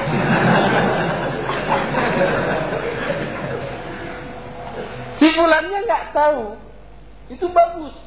Malaikat akan datang kepada orang itu lalu berkata, Amin walaka bimisli. Itu malaikat. Mengaminkan doa kita dan engkau pun seperti itu pula. Doa kita untuk orang lain belum tentu dikabul. Karena apa? Mungkin kurang khusyuk, mungkin uh, kurang penghayatan dan seterusnya. Tapi kita didoakan oleh malaikat engkau juga berhak memperoleh doa seperti itu. Nah, doa malaikat itu pasti dikabul oleh Allah. Makanya kalau berdoa nggak boleh egois ya Allah beri saya kekayaan saya aja Ikhwan yang lain jangan biar saya hanya saya yang laku di kalangan akhwat. Nah, nggak benar seperti itu. Doakan orang lain, nanti kita juga didoakan oleh para malaikat dengan bisi doa yang sama. Oleh karena itu salah satu cara agar doa kita diijabah adalah berdoa untuk orang lain. Dengan isi doa yang kita butuhkan. Umpah kita butuh uang, ya Allah beri si fulan uang. Agar dia ini bisa lancar ngajinya, bisa umpamanya konsentrasi ngajinya, nggak tertukar dengan maisha dan seterusnya gitu. Nah, beri rizki sebanyak-banyaknya ya Allah kepada dia. Nanti malaikat amin dan engkau pun didoakan seperti itu. Nah, kita juga didoakan. Berdoa kepada orang lain berarti mendoakan diri kita dengan isi doa yang sama, bahkan ada plusnya yaitu yang mendoakan kita para malaikat. Adapun jadi untuk kemaslahatan umum atau kemaslahatan orang lain boleh. Amal maslahatul khas fahada kama qala Syafi'i rahimahullah yadkhulu fil mas'alatil madmuma. Adapun meminta doa untuk diri sendiri maka ini seperti yang dikatakan oleh Imam Syafi'i termasuk kepada masalah yang tercela. Nabi Shallallahu Alaihi Wasallam pernah membaiat kepada para sahabatnya dengan isi bayat alla yas'alun nasa syai'a yaitu tidak meminta apa pun kepada manusia. Jadi penjelasan Syaikhul Utsaimin menyatakan tidak dibolehkan bagi kita untuk meminta doa kepada orang lain kecuali kepada Rasul sallallahu alaihi wasallam atau kepada orang-orang yang sudah ditunjuk oleh Nabi sallallahu alaihi wasallam untuk dimintai doa seperti halnya siapa? Uwais tadi. Adapun selain Uwais Nabi tidak pernah menyuruh untuk meminta doa kepada orang lain sekalipun lebih utama dari Uwais seperti ke Abu Bakar ya ke Umar enggak. Wallahu a'lam. Itulah penjelasan hadis ke-373. Hadis terakhir dalam bab ini, hadis 374 diterima dari Ibnu Umar radhiyallahu anhumah. Kata Ibnu Umar, "Kana Nabi sallallahu alaihi wasallam yazuru Quba rakiban wa masyian fayusalli fihi rak'atain." Muttafaqun alaih. Adalah Nabi sallallahu alaihi wasallam suka mengunjungi Kuba. Kuba itu sebuah masjid, eh, sebuah tempat yang di sana ada masjid diberi nama Masjid Kuba dan itulah masjid yang pertama kali didirikan. Beliau suka mengunjungi Masjid Kuba baik dengan berkendaraan ataupun dengan berjalan lalu beliau sholat di dalamnya dua rakaat. Dalam riwayat lain, karena Nabi sallallahu alaihi wasallam ya'ti Masjid Kuba kulla sabtin raqiban wa masyian wa kana Ibnu Umar yaf'aluhu. Nabi SAW suka mendatangi Masjid Kuba sepekan sekali. Kula sabtin eh kula usbu. Sepekan sekali. Setiap pekan. Baik dengan berkendaraan ataupun berjalan kaki. Dan Ibnu Umar pun suka melakukan itu. Hadis ini riwayat Bukhari dan Muslim. Dari hadis ini kita bisa ambil setidak-tidaknya dua faidah. Pertama, istihbabu ziarati Masjid Kuba wa qad warada fi fadlihi anna ziyaratahu ka umrah. Hadis ini merangkan disunahkannya mengunjungi Masjid Kuba. Masjid Kuba dekat Madinah. Sekarang masuk e, daerah Madinah. Dan ada keterangan tentang keutamaan e, Kuba bahwa berkunjung ke Masjid Kuba itu sama dengan umrah.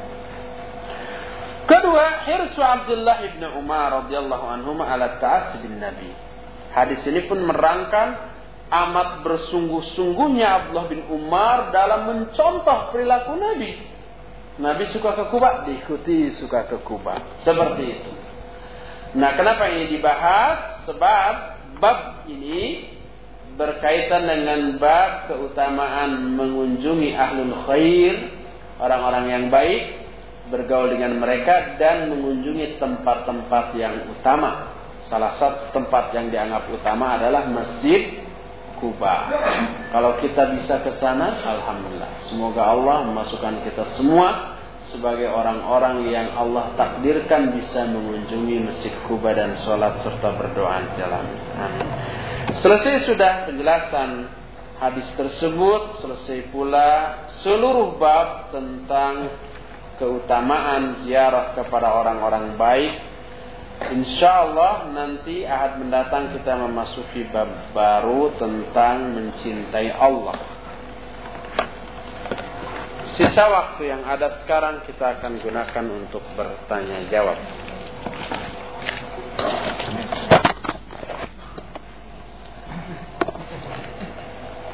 Jadi kalau ada ini ada orang yang baru pulang safar haji kita meminta doa diri sendiri itu maksudnya tercela. Menurut Imam Syafi'i, ya. Menurut Syalul Taimin, ya. Tidak boleh.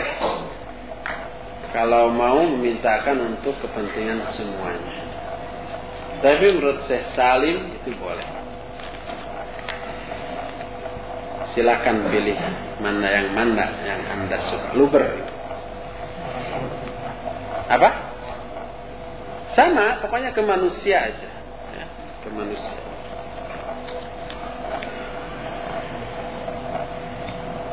Tapi kalau mendoakan orang lain tanpa orang lainnya minta doa gimana? Boleh.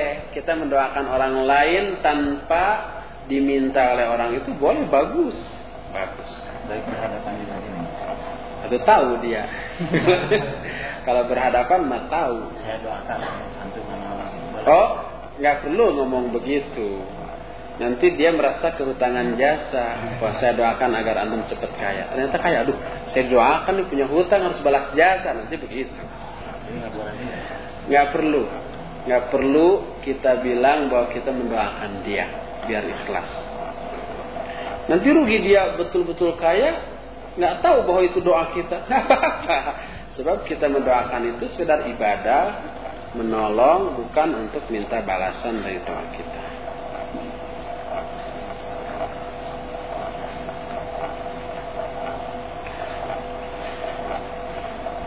Apabila anak melaksanakan puasa sunat karena nadar, apakah anak masih mendapat pahala puasa sunnah? Kalau nadar wajib, bukan sunnah. Umpamanya, kalau saya lulus ujian, saya bernadar mau saum hari Senin, itu wajib. Kalau enggak dosa. Apakah benar kronologi datangnya Imam Mahdi beserta ciri-ciri zamannya yang berasal dari hadis dan asal sahabat sehingga menyebabkan anak berpikiran bahwa kiamat masih lama. Iya betul, hadis-hadis tentang ciri-ciri kiamat itu sahih. Betul tentang Imam Mahdi, tentang Dajjal, sebelumnya tentang ada ini, ini, ini, betul. Terus belum ada semua itu, apakah masih lama? Ah ini yang belum tentu lamanya, segimana dan seterusnya. Tapi kalau toh kita berpikiran kiamat masih lama dalam arti kita nggak akan mengalami, maka itu bisa berbahaya karena kita bisa lalai. Ah, kiamat kan masih lama, tandanya juga belum. Gitu ya. Perang juga belum dengan orang kafir. Kemudian kita menangnya juga belum, masih kalah terus. Jadi kiamat masih lama, santai aja lah. Kan gitu tidak kiamat tapi mati mungkin besok lusa ya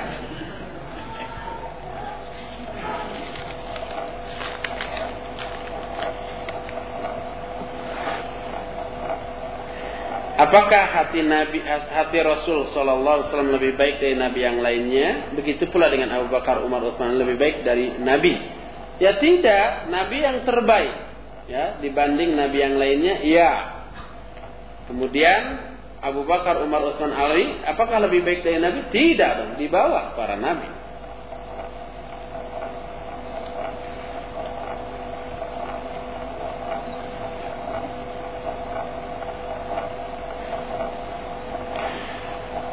Afwan, saya bertanya untuk kedua kalinya tentang sholat sunat sebelum atau sudah sholat duhur empat rakaat. Apakah dua-dua atau empat rakaat sekaligus? Dulu kalau nggak salah pernah saya jawab ya. Boleh dua-dua, boleh empat sekaligus. E, kalau bisa dijawab sekarang, bukankah agak tidak baik menunda seorang ikhwan untuk mengerjakan suatu kebaikan? Ya, salah satu alasan kenapa saya ditahdir, saya itu suka menangguhkan jawaban. Nanti, nanti padahal mengakhirkan jawaban di saat orang butuh itu tidak boleh, kan gitu. Saya juga sering bahwa takhirul uh, bayan anil hajah atau indah hajatin nasi ilahi la yajuz. Mengakhirkan jawaban di saat orang amat sangat butuh kepada jawaban itu tidak boleh.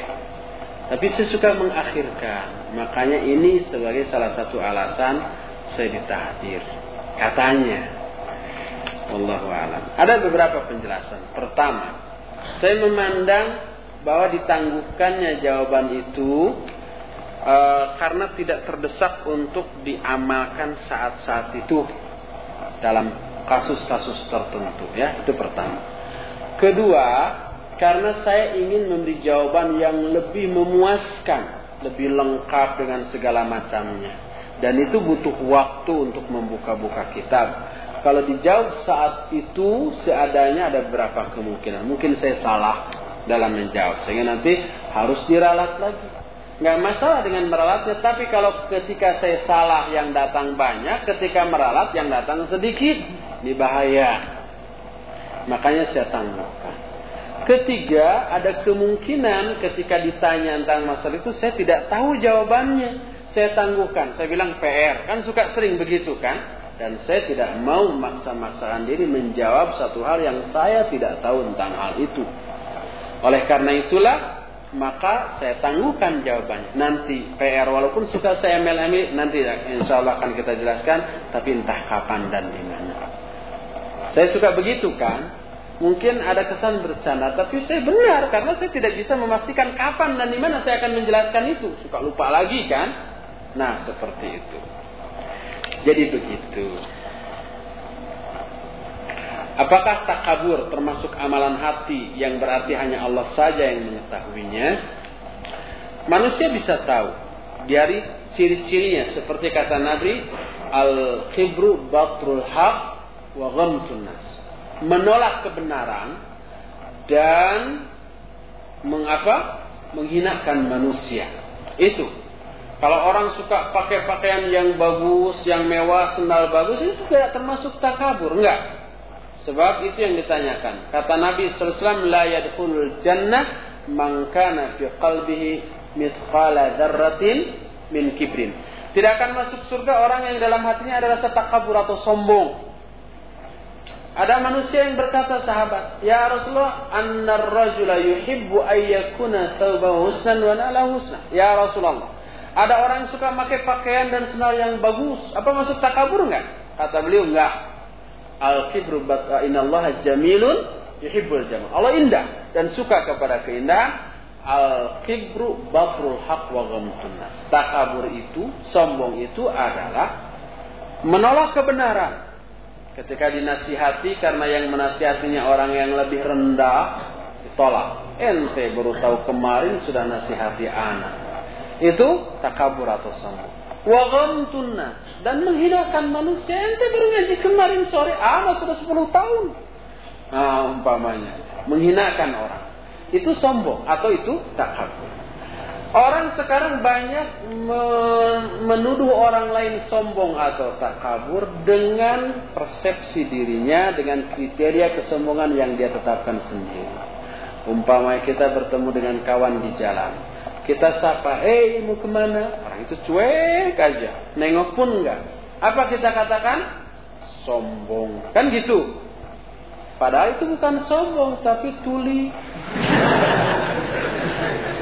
mungkin nggak kedengaran ya mungkin tuli mungkin di apa di telinganya ada earphone gitu ada apa namanya walkman atau mungkin dia lagi ngelamun gitu ya nggak konsentrasi sehingga yang manggil nggak kedengaran tapi kita sab sombong ini yang pertama kedua ada kalanya orang menuduh orang lain sombong karena kesombongan dirinya sombongan si penuduh yang sombong. Umpamanya, orang merasa memiliki harta yang cukup.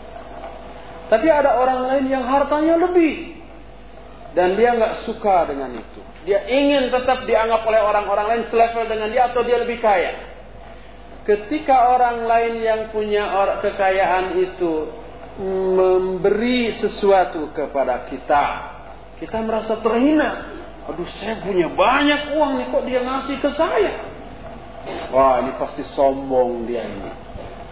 So of course gitu. Apa unjuk ke kekayaan aja ingin disebut kaya lah kayaknya dia sombong banget. Kan gitu.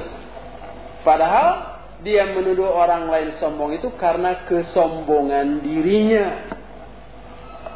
Dia ingin disebut kaya oleh orang lain, tapi ketika dia diberi oleh orang lain, oh, sombong dia unjuk kekayaan yang begitu aja diberikan ke saya. Nah seperti itu. Itu bukan sombong menurut syariat, tapi sombong menurut hawa nafsu manusia.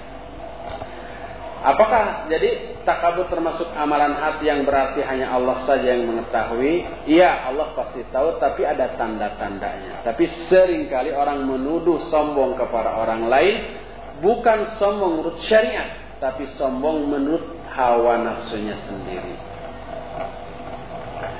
Apa saja hal-hal yang diungkapkan ketika memperingati kaum muslimin dari ustadz yang dianggap berbahaya. Apakah amalan hati pun disebutkan pula seperti ungkapan ustadz-ustadz itu takabur, sombong, ria dan lain-lain. Sombong, takabur, ria itu kalau toh benar itu maksiat. Maksiat tidak boleh diungkap. Oleh karena itu, ya, para ulama ketika menghajar orang lain yang diungkap itu adalah penyimpangan akidahnya atau manhajnya. Kalau maksiatnya nggak boleh diungkap. Itu gibah. Itu gibah namanya. Sebab orang umum tidak akan tertipu dengan kemaksiatan seseorang. Tapi bisa tertipu dengan kebidahan seseorang. Nah kebidahan ini yang harus kita bongkar. Penyimpangan akidah seorang ustadz, seorang alim, tidak akan dianggap menyimpang oleh orang umum. Dan ini berbahaya. Kita ungkap penyimpangan. Tapi kalau kemaksiatan seorang ustadz umpama suka ke diskotik. Kita ini apa? kita sebarkan. Orang nggak akan tertipu dengan dia suka ke diskotik enggak. Malah akan menurunkan derajat dia. Nggak perlu diunggap nggak boleh. Oh Ustadz Anu umpamanya suka nyolong harta orang. Ini nggak boleh. Itu maksiat. Dan maksiat tidak termasuk hal yang boleh diungkap. Kecuali kalau kemaksiatan itu menyangkut akidah, menyangkut e, manhaj, atau yang apabila tidak diungkap orang bisa tertipu seperti suka memperdusta ya Kalau suka berdusta berarti ketika ngajar juga mungkin berdusta. Suka khianat ilmiah dalam kitab anu juz sekian halaman sekian ulama anu mengatakan padahal nggak ada. Itu khianat ilmiah hanya ingin disebut sebagai orang yang selalu merujuk umpamanya. Ketika dicek kok nggak ada. Nah itu baru harus diungkap. Karena dikhawatirkan orang tertipu ya. Yang harus dilakukan kalau ada orang yang sombong, yang takabur, yang dia kita tegur akhi nggak boleh itu ria, itu sombong, itu takabur. Di langsung ke orang itu nasihat. Bedanya nasihat dengan gibah adalah kalau nasihat langsung ke orangnya dan di tempat sepi, nggak ada orang lain yang tahu. Itu adab menasihati. Jangan jangan jangan sampai menasihati di muka umum. Hei Yusuf, Anak tahu antum itu suka pacaran sama orang. Ah, jangan begitu lagi ya di hadapan orang. Sehingga orang lain yang nggak tahu Yusuf suka pacaran akhirnya jadi tahu. Ini contoh bukan duduk itu, contoh. Ini contoh. Jadi tahu, wah aibnya terbongkar. Itu bukan nasihat itu, mencela. Tapi saya tarik Yusuf, Yusuf berdua-dua yuk di kamar. Kita kan sama ikhwan nggak apa-apa. Lalu nasihati, ya itu nasihat. Tapi kalau gibah sebaliknya, di ke orangnya langsung nggak ngomong, di belakangnya di hadapan umum ngomong, woi ikhwan sekalian. Antum tahu nggak Yusuf itu suka pacaran loh. Yusufnya nggak ada di hadapan saya. Itu gibah, ya. Anda harus membedakan mana nasihat, mana gibah, ya. Jangan sampai nasihat dianggap gibah, gibah dianggap nasihat. Bagaimana sebenarnya kronologis pembangunan Mahat di Sempaka Arum dan siapa donatur dan pelaksana pembangunannya? Dan mengapa Ustaz selalu dikritik berkaitan dengan Mahat tersebut? Tolong jawab secara terbuka. Kronologis pembangunan Mahat di Cempaka Arum nah, ini perjalanan apa? Pelajaran siroh siroh Mahadiyah Pertama dulu ya, kita ini kontraktor. Yayasan selalu ngontrak maksudnya. selalu ngontrak. Setiap tahun mikir, aduh ke mana mencari kontrakan 10 juta dulu ya kontraknya itu. Waktu di mana? Di Jalan Bima itu 10 juta. Dan kita suka minta ke beberapa donatur. Sampai ada orang yang menyatakan, tidak langsung ke saya melalui orang lain dari Saudi Arabia bilang ke Abu Haidar jangan ngontrak terus. Cari tanah wakaf. Anak siap ngebangun. Gitu kan? Wah ini cari tanah wakaf sulit. Kita sudah nyari ke sana kemari susah. Ya udah akhirnya nggak dilupakan. Suatu saat saya ketemu orang lain lagi nanti jangan ngontrak terus sekarang gini aja lah Antum cari donatur yang mau ngebangun. Anak siap wakaf tanah. Ah, nyambung nih. Tapi sudah tahunan tiga atau empat tahun itu. Tapi saya susul lagi ke orang itu. Ini ada yang mau wakaf tanah nih. Siapa yang ngebangun? Oh siap boleh. Nah, terus saya bilang ini ada yang mau ngebangun. Benar mau wakaf? Benar. Nah, langsung saya hubungkan kedua-duanya yang mau wakaf tanah itu Khalid Bawazir yang ada di Surabaya kemudian yang mau membangun itu salah seorang syekh dari Kuwait waktu itu melalui uh, Lajna Al-Khairiyah Mustaraka langsung saya hubungkan kedua Cek, udah langsung mereka komunikasi. Sepakat boleh. Lalu calling saya Abu Haidar cari tanah dengan harga sekian dua sekian. Waduh lebih dari setahun saya keliling-keliling sama beberapa orang ikhwan sama dadang sama siapa. Nyari ini. Oh negonya. Masya Allah. Ulet. Setahun lebih lah. Akhirnya alhamdulillah dapat di Cempaka Aru akhirnya prung gitu ya. Tapi ada masalah pindah ke yang sekarang. Nah kemudian itu awalnya ya. Asbabul wurudnya itu seperti itu. Nah lalu eh, awalnya kita yang menangani pembangunan ya atas nama yayasan. Kemudian saya dapat musibah sakit sehingga tidak bisa lagi diserahkan kepada orang lain dan seterusnya sampai yang sekarang. Saya tidak lagi terlibat dalam bentuk apa pun baik dalam proses pembangunan ataupun setelah bangunan itu jadi. Saya bukan pengurusnya, saya bukan pengajarnya, saya bukan apa-apanya lagi di sana. Bahkan pernah ada e, rumor yang beredar bahwa nama yayasan. Yayasannya sudah bukan Ihya Sunnah lagi. Dan mahannya juga jangan uh, baru. Namanya Abah. Artinya asal bukan Abu Haidar. Yayasan Abah. Pokoknya Abu Haidar nggak boleh lagi. Karena sudah terbukti nggak bisa nggak mampu mengelola itu. Nggak bisa dipercaya lagi. Kalau nggak boleh. Antum terlibat di sana. Kata si orang yang berwenang kelas saya mundur, saya selesaikan urusan yang tersisa, sudah itu maju jalan lagi, saya mundur. Dan saya tidak akan terlibat sebagai apa pun, sekalipun sebagai pengajar nanti di sana. Antum harus tahu itu bukan proyek saya lagi. Nanti nggak akan ngajar, nggak akan apa-apa nggak. Kalau antum pesantren di sana, jangan bilang itu pesantrennya Abu Haidar atau Yayasan Abu Haidar, walaupun ada di Bandung. Enggak, bukan. Dan saya sudah bilang ini juga kepada beberapa orang, gitu ya. Itu Nah, yang ada pengurus di sana Ustaz Yazid Abdul Qadir Jawa, Ustaz Farid Kasim Anus, Ustaz eh, Abu Qatada yang dari Tasik. Itu jadi pengurus. Sebagai apa? Pengawas kalau salah atau pembina lah antara itu. Saya tidak sebagai apa pun. Lalu mengapa Ustaz selalu dikritik berkaitan dengan ma'had tersebut? Saya nggak tahu dikritik dari segi apa, ya. Kalau dari segi bahwa saya ta'awun sama orang-orang yang disebut hizbi, oke kita bisa diskusikan sebatas apa hizbi mereka dan sebatas apa kita tidak boleh ta'awun sama orang seperti mereka dan seterusnya. Gitu ya. Nah itulah, jadi antum harus tahu itu bukan yayasan saya, bukan pesantren saya dan saya tidak akan terlibat sebagai apa pun di sana. Saya akan tetap jalan ngaji seperti ini mengurus ihya sunnah. Mungkin saja Ihya Sunnah juga nanti perombakan total-totalan, yang besar-besaran, secara total. Mungkin melibatkan siapa saja di antara antum yang mau jadi pengurus Ihya Sunnah. Kita kembali ke awal seperti semula ya. Kontraktor lagi. Sampai sekarang kita nggak punya sekretariat yayasan.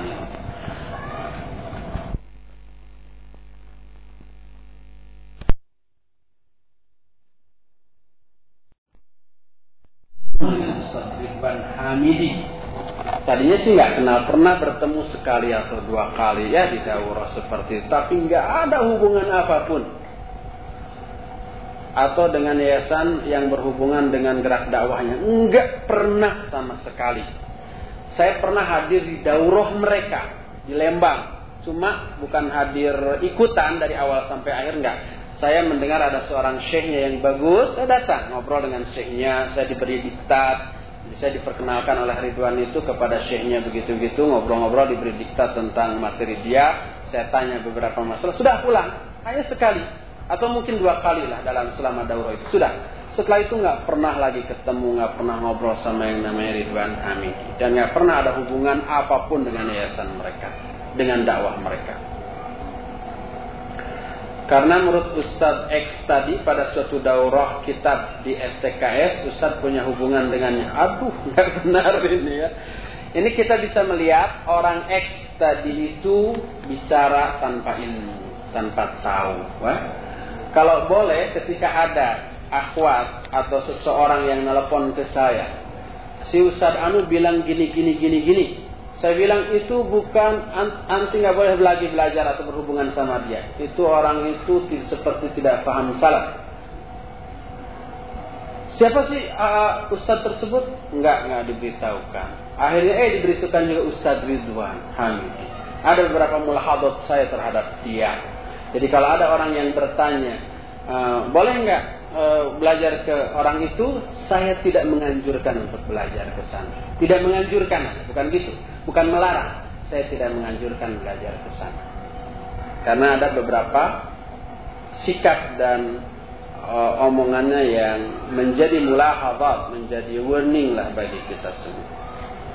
Jadi kalau ada orang yang mengatakan Abu Haidar berhubungan dengan dia, uh jauh. Mana hubungannya apa? Sebagai apa? Kalau ketemu ya pernah ketemu. Ngobrol ya basa-basi baso gitu pernah.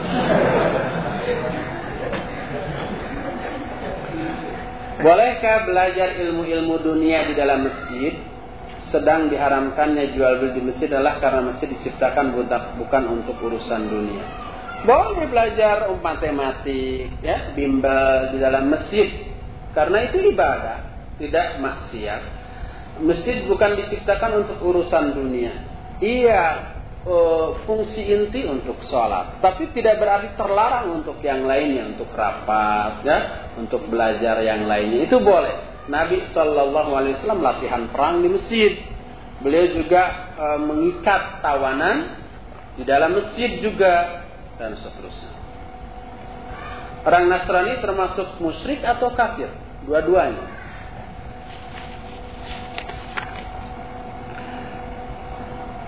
Bagaimana hukum minta doa kepada orang tua? Sama dengan yang tadi ya, ikhtilaf. Kalau saya saling membolehkan, kalau saya Utsaimin tidak membolehkan.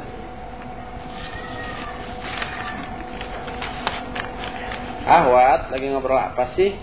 Anteng banget. Bagaimana sikap kita ketika azan dan ikomat? Terserah, jawab ya, jawab. Dengar dan jawab. Apakah sama yang digunakan untuk menutup telinga, telapak tangan atau jari telunjuk? Oh, kita yang azan. Azan disunahkan menghadap kiblat sambil berdiri dan di luar masjid. Kemudian menutup telinganya itu dengan telunjuk. Ketika hayya ala sholah menghadap ke kanan, hayya ala falah ke kiri. Ketika kita masuk masjid, azan sedang berkumandang. Apakah kita duduk dulu atau berdiri terus sampai selesai azan, baru kita sholat?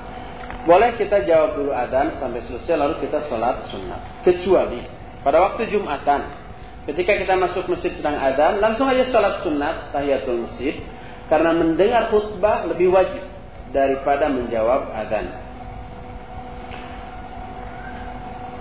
Apakah disunahkan juga menjawab iqamat? Wallahu a'lam. Ini ikhtilaf. Kalau Syekh Al-Albani menyatakan iqamat sama dengan adzan, persis. Oleh karena itu dalam hadis uh, apa namanya? Inna bainal adana adanaini du'aun mustajab atau du'aun la yurad bahwa antara dua adzan ada masa untuk berdoa yang pasti diijabah. Dua adzan itu adalah maksudnya adzan dan qomat. Tapi qomat juga disebut adzan. Oleh karena itu sama kata Syekh Al-Albani. Apakah muadzin juga membaca doa setelah adzan Allahumma rabb hadhihi da'wati tamah dan seterusnya?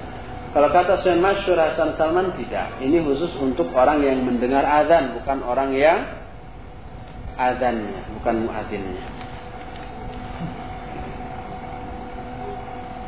Saya minta penjelasan praktisnya mengenai sikap pertengahan dalam bergaul dengan orang lain, terutama aktivis Islam yang hizbi dan seseorang yang muslim, namun tidak begitu memperhatikan masalah agama, bahkan dengan yang fasik. Sering ini dijawab dengan penjelasan yang umum dan sama, tapi ini praktis. Kalau pergaulan kita dengan mereka bisa memberi manfaat kepada kita dan mereka dalam bentuk umpah kita mendakwahi mereka yang fasik tadinya karena kita dakwahi menjadi baik, yang tadinya ahli bid'ah menjadi ahli sunnah, yang tadinya terlalu lobak kepada dunia menjadi zuhud kepada dunia, maka pergaulan kita dengan mereka bagus dan itu tergolong dakwah.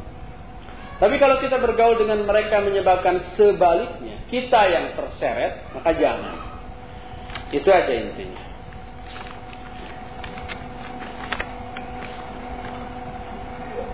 Adakah dalil mendoakan Nabi selain Muhammad sallallahu alaihi wasallam dengan alaihissalam dan sahabat dengan radhiyallahu an? Ini Al-Quran tidak hanya sahabat, tapi juga para ulama seperti Imam Malik oleh uh, Imam Al-Barbahar dalam Syarh Sunnah disebut radhiyallahu an. Karena irda'ah mendoakan keridhaan agar Allah men menurunkan keridhaan itu hak semua mukmin.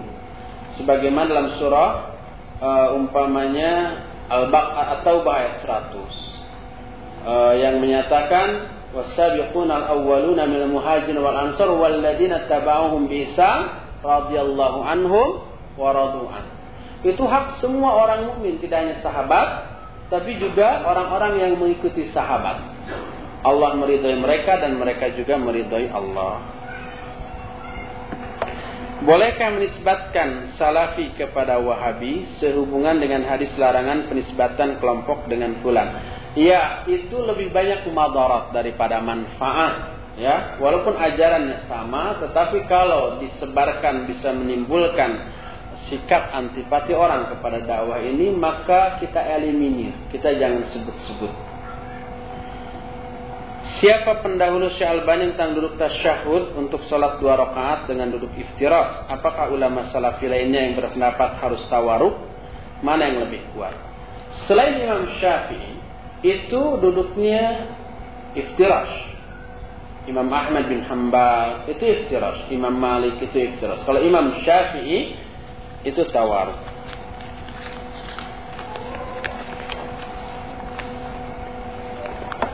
Bagaimana bersahabat dengan orang-orang harokah? Karena anak sekarang agak menjauh dari mereka karena keterlibatan mereka dalam harokah.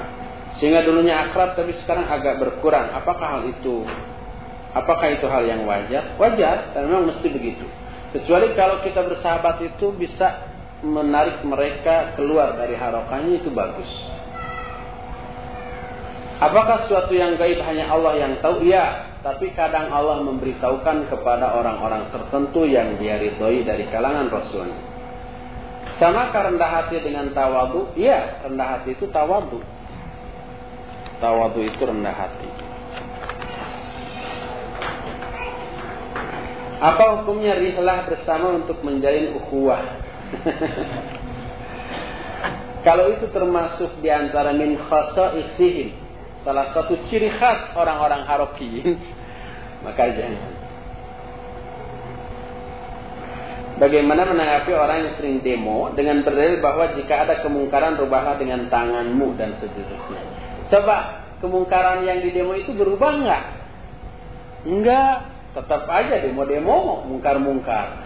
Ya, itu pertama. Kedua, eh, dengan berdemo muncul kemungkaran, yang lainnya seperti bentrokan dengan aparat sampai ke rumah sakit bahkan ada yang mati ya apakah itu bukan kemungkaran kemungkaran yang lebih besar Bolehkah kita mengkritik seseorang yang sudah ketahuan salahnya, misalnya korupsi dan seterusnya? Ya, kalau e, kesalahannya itu berupa maksiat, kita harus menasihatinya di belakang e, orang lain. Artinya, berdua-dua, jangan di hadapan orang banyak. Ya. Nasihati. Tapi kalau kesalahannya berupa kesalahan akidah dan manhaj, kita nasihati juga. Kalau umpah tidak berubah malah menentang, terus dia menyebarkan kebidahan dan penyimpangannya, baru kita tahdir orang seperti itu.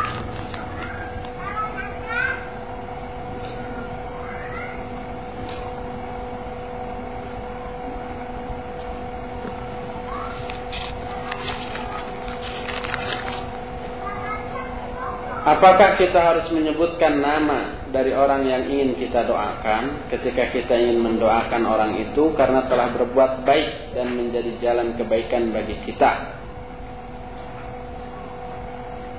Khususnya ketika selesai sholat fardu. Boleh kita sebut namanya. Ya Allah, berilah rezeki kepada si Fulan bin Fulan. Namanya kita sebut. Apakah anak berdosa kepada ibu jika ibu anak sering merasa kesal kepada anak karena jarang membantu ibu di rumah. Nah, jujur juga nih. Ini tulisan akhwat kan. Itu terjadi karena anak waktunya habis oleh kuliah dan ngerjain tugas. Juga waktunya dipakai untuk pergi taklim. Berdosakah anak? Ya, saya yakin bisa diatur dari segi waktu ya waktunya gimana. Kalau umpamanya uh, kuliah jam sekian, umpamanya jam 8 pergi jam 7, nggak ada sempat, bangunnya dong. Jam 3, kemudian sebelum pergi, sebelum mandi, sebelum sarapan, bantu-bantu ibu dulu, gitu ya. Itu hanya teknis saja.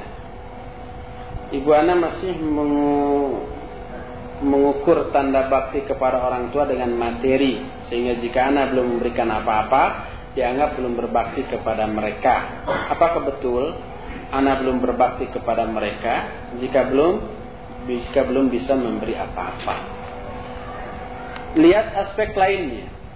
belum bisa memberi apa-apa. Tapi juga tidak membantu menyenangkan orang tua, meringankan e, pekerjaan orang tua di rumah. Iya kalau begitu. Kerjanya tidur, pulang kuliah tidur, sebelum kuliah juga tidur, atau sibuk dengan urusan sendiri, cuek ibunya mau sibuk mau tidak, padahal dia bisa membantu. Berarti iya, dia belum bisa berbakti kepada orang tuanya. Tapi kalau semua terpenuhi umpamanya dia membantu pekerjaan hanya satu materi belum dapat maka tentu saja tidak bisa difonis belum berbakti kepada orang tua bila kita makmum masbuk lalu imam salam kita pun berdiri dan melanjutkan rakaat yang sisa Lalu ketika sedang berdiri ada jamaah yang baru datang dan menepuk pundak dengan waktu eh, dengan maksud bahwa jamaah yang baru datang tadi sebagai makmum dan saya sebagai imam. Apakah itu disyariatkan? Tidak. Jadi setelah usai sholatlah sendiri-sendiri. Tidak ada estafeta jamaah. Jadi kalau kita ditepuk, cuek aja, teruskan aja sholat sendiri. Jangan melarang mereka, jangan juga e, mengajak mereka. Terus saja.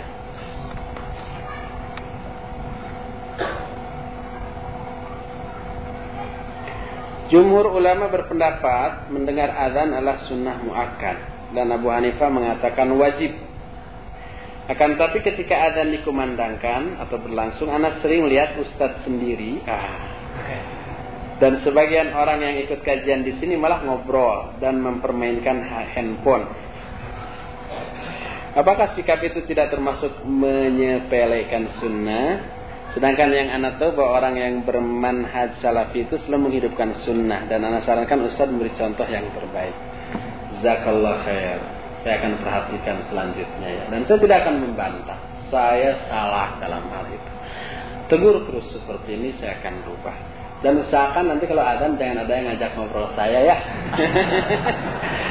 Jadi kadang-kadang setelah taklim ini ada yang ngajak ngobrol dan bertanya, isi obrolannya bagus, bertanya tentang ilmu. Ketika ngejawab ada saya melanjutkan. Tapi di sela-sela obrolan saya ketika adzan selesai, saya jawab ke umpah asyhadu alla ilaha illallah, saya jawab asyhadu alla ilaha terus saya ngomong lagi. Asyhadu anna Muhammad Rasulullah, saya jawab asyhadu anna Muhammad Rasulullah, saya ngomong lagi. Kemudian ya sholat, saya jawab dulu la haula wala billah, saya ngomong lagi. Begitu yang saya lakukan. Kalau itu dianggap contoh yang tidak baik, tolong bantu saya. Jangan ajak ngobrol saya, jangan tanya saya ketika azan ya. Gitu.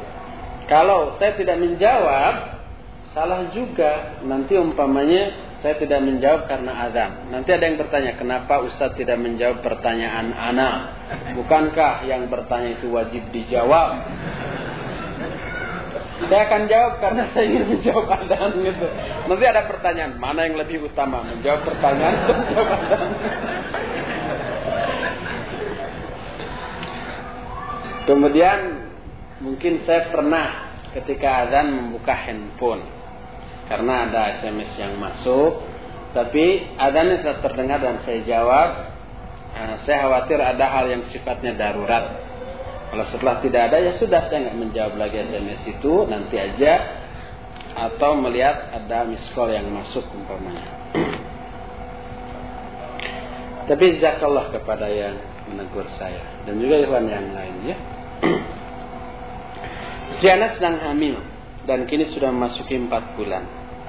Orang tua Anas belum mengharuskan atau memaksa untuk mengadakan syukuran empat bulanan apa yang seharusnya anak lakukan dan bagaimana kalau orang tua sampai marah dikarenakan anak tidak menurutinya. Padahal sudah anak jelaskan bahwa itu perkara bid'ah. Bagaimana solusinya? Kita tetap memberikan penjelasan sebaik-baiknya dan tetap tidak melaksanakannya. Tunjukkan bahwa kita ini orang yang multazim, komitmen, konsekuen dengan sunnah, dengan ajaran Islam. Sehingga orang tua kita melihat bahwa kita nggak mungkin dipaksa dalam urusan itu. Sehingga mereka nggak akan memaksa lagi. Dan kita tidak berdosa kalau tidak menuruti orang tua dalam hal ini. Sebab bahkan kita berdosa kalau menurut. La ta'ata li makhluqin fi maksiatil khaliq. Tidak ada ketaatan kepada makhluk dalam bermaksiat kepada khaliq. Anda melihat sebagian ikhwan ketika sholat meletakkan tasnya tepat di depan mereka. Apakah itu boleh? Nanti kalau ikhwan itu meletakkan di belakangnya. Ada pertanyaan. Anda melihat sebagian ikhwan meletakkan tasnya di belakangnya. Apakah itu boleh? Kalau ikhwan simpan di gigir, di pinggir. Ada pertanyaan. Sebagian ikhwan meletakkan tasnya di pinggir. Apa itu boleh? Akhirnya kita tumpuk semua di depan. Ada pertanyaan, bolehkah menumpuk tas?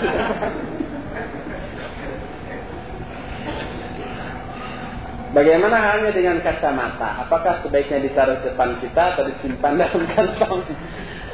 Yang kira-kira bisa tidak mengganggu sholat kita, ya, dan konsentrasi kita. Seluruh di depan, disimpan di depan, khawatir ada anak-anak lari. Kemudian keinjakan ini pernah terjadi di panorama dulu ya. Keinjak lagi sholat, ada anak-anak lari, dia nggak khusyuk. Udah. Dan keinjak, wah langsung. ah, tadinya disimpan juga di kantong. Pas sujud, jatuh. Atau selain e, kacamata, ada HP, ada bolpen, ada anak-anak, diambil. Wah, dia selama sholat, nggak khusyuk. Khawatir anaknya pulang, khawatir ke mana gitu. Seperti itu. Jadi itu masalah teknis, bukan masalah syariat.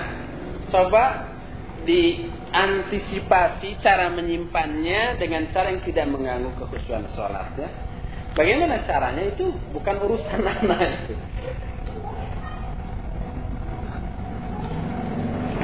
Apakah golongan hizbiyah seperti IM dan HT termasuk 72 golongan yang masuk neraka? Bukan itu yang dimaksud bukan kelompok itu, tetapi uh, yang bisa diidentifikasi karena ciri khas akidahnya seperti Mu'tazilah, Syiah, Khawarij. Dalam satu harokah seperti ikhwan muslimin di dalamnya campur aduk. Ikhwan uh, Syiahnya ada, Khawarijnya ada, bahkan yang akidahnya salah pun ada dan seterusnya. Oleh karena itu mereka tidak diklasifikasi berdasarkan anggota harokahnya, tapi berdasarkan akidahnya. Bahan masakan yang dibuat dari bahan-bahan pembuat khamr apakah haram? Contohnya sake untuk masakan sekalipun dibuat bukan untuk mabuk.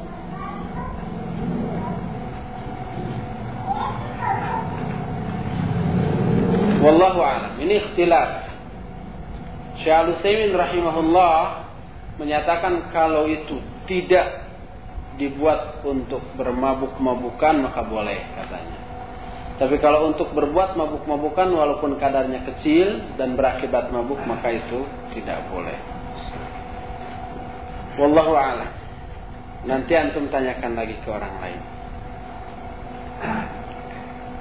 Apakah minuman beralkohol pasti haram? Bagaimana bila tidak untuk mabuk? Sama ya dengan yang tadi.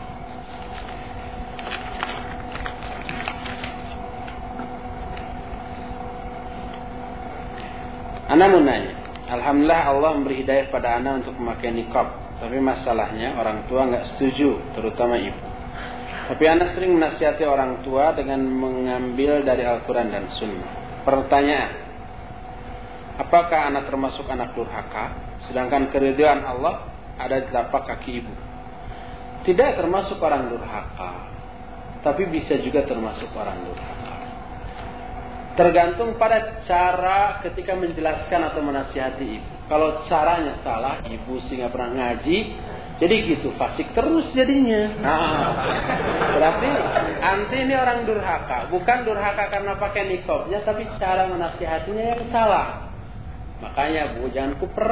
Ayo sekali-kali ngaji sama saya. Nanti ibu juga dapat hidayah loh. Bahkan ibu juga pakai nikob nanti. Nah, itu caranya yang salah. Dan durhakanya itu karena itu, bukan karena nikobnya. Tapi kalau caranya baik, cara menasihatinya benar, terus ibu sakit hati, tidak dosa kita, gitu ya. Lalu ada ungkapan keridhaan Allah berada di telapak kaki ibu. Itu tidak benar. Ada juga ridullah fi ridha walidain. Bahwa ridha Allah tergantung pada ridha ibu bapak. Adapun yang berada di telapak kaki ibu itu adalah sebuah asar yang menyatakan al jannatu tahta aqdamil ummahat. Saya nggak tahu sehingga hadis itu. Wallahu a'lam. Dulu rasanya pernah kebahas tapi lupa.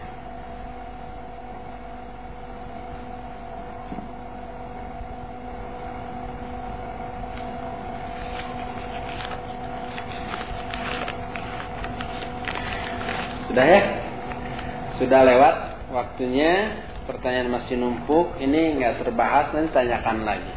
Jadi pertanyaan ini nggak akan dibahas pada minggu yang akan datang. So pasti akan banyak lagi. Yang belum terjawab tanyakan lagi. Sudah dulu sampai di sini subhanakallahumma bihamdik asyhadu an la ilaha illa anta astaghfiruka wa atubu ilaik walhamdulillah kafir yang tinggal di negeri kaum muslimin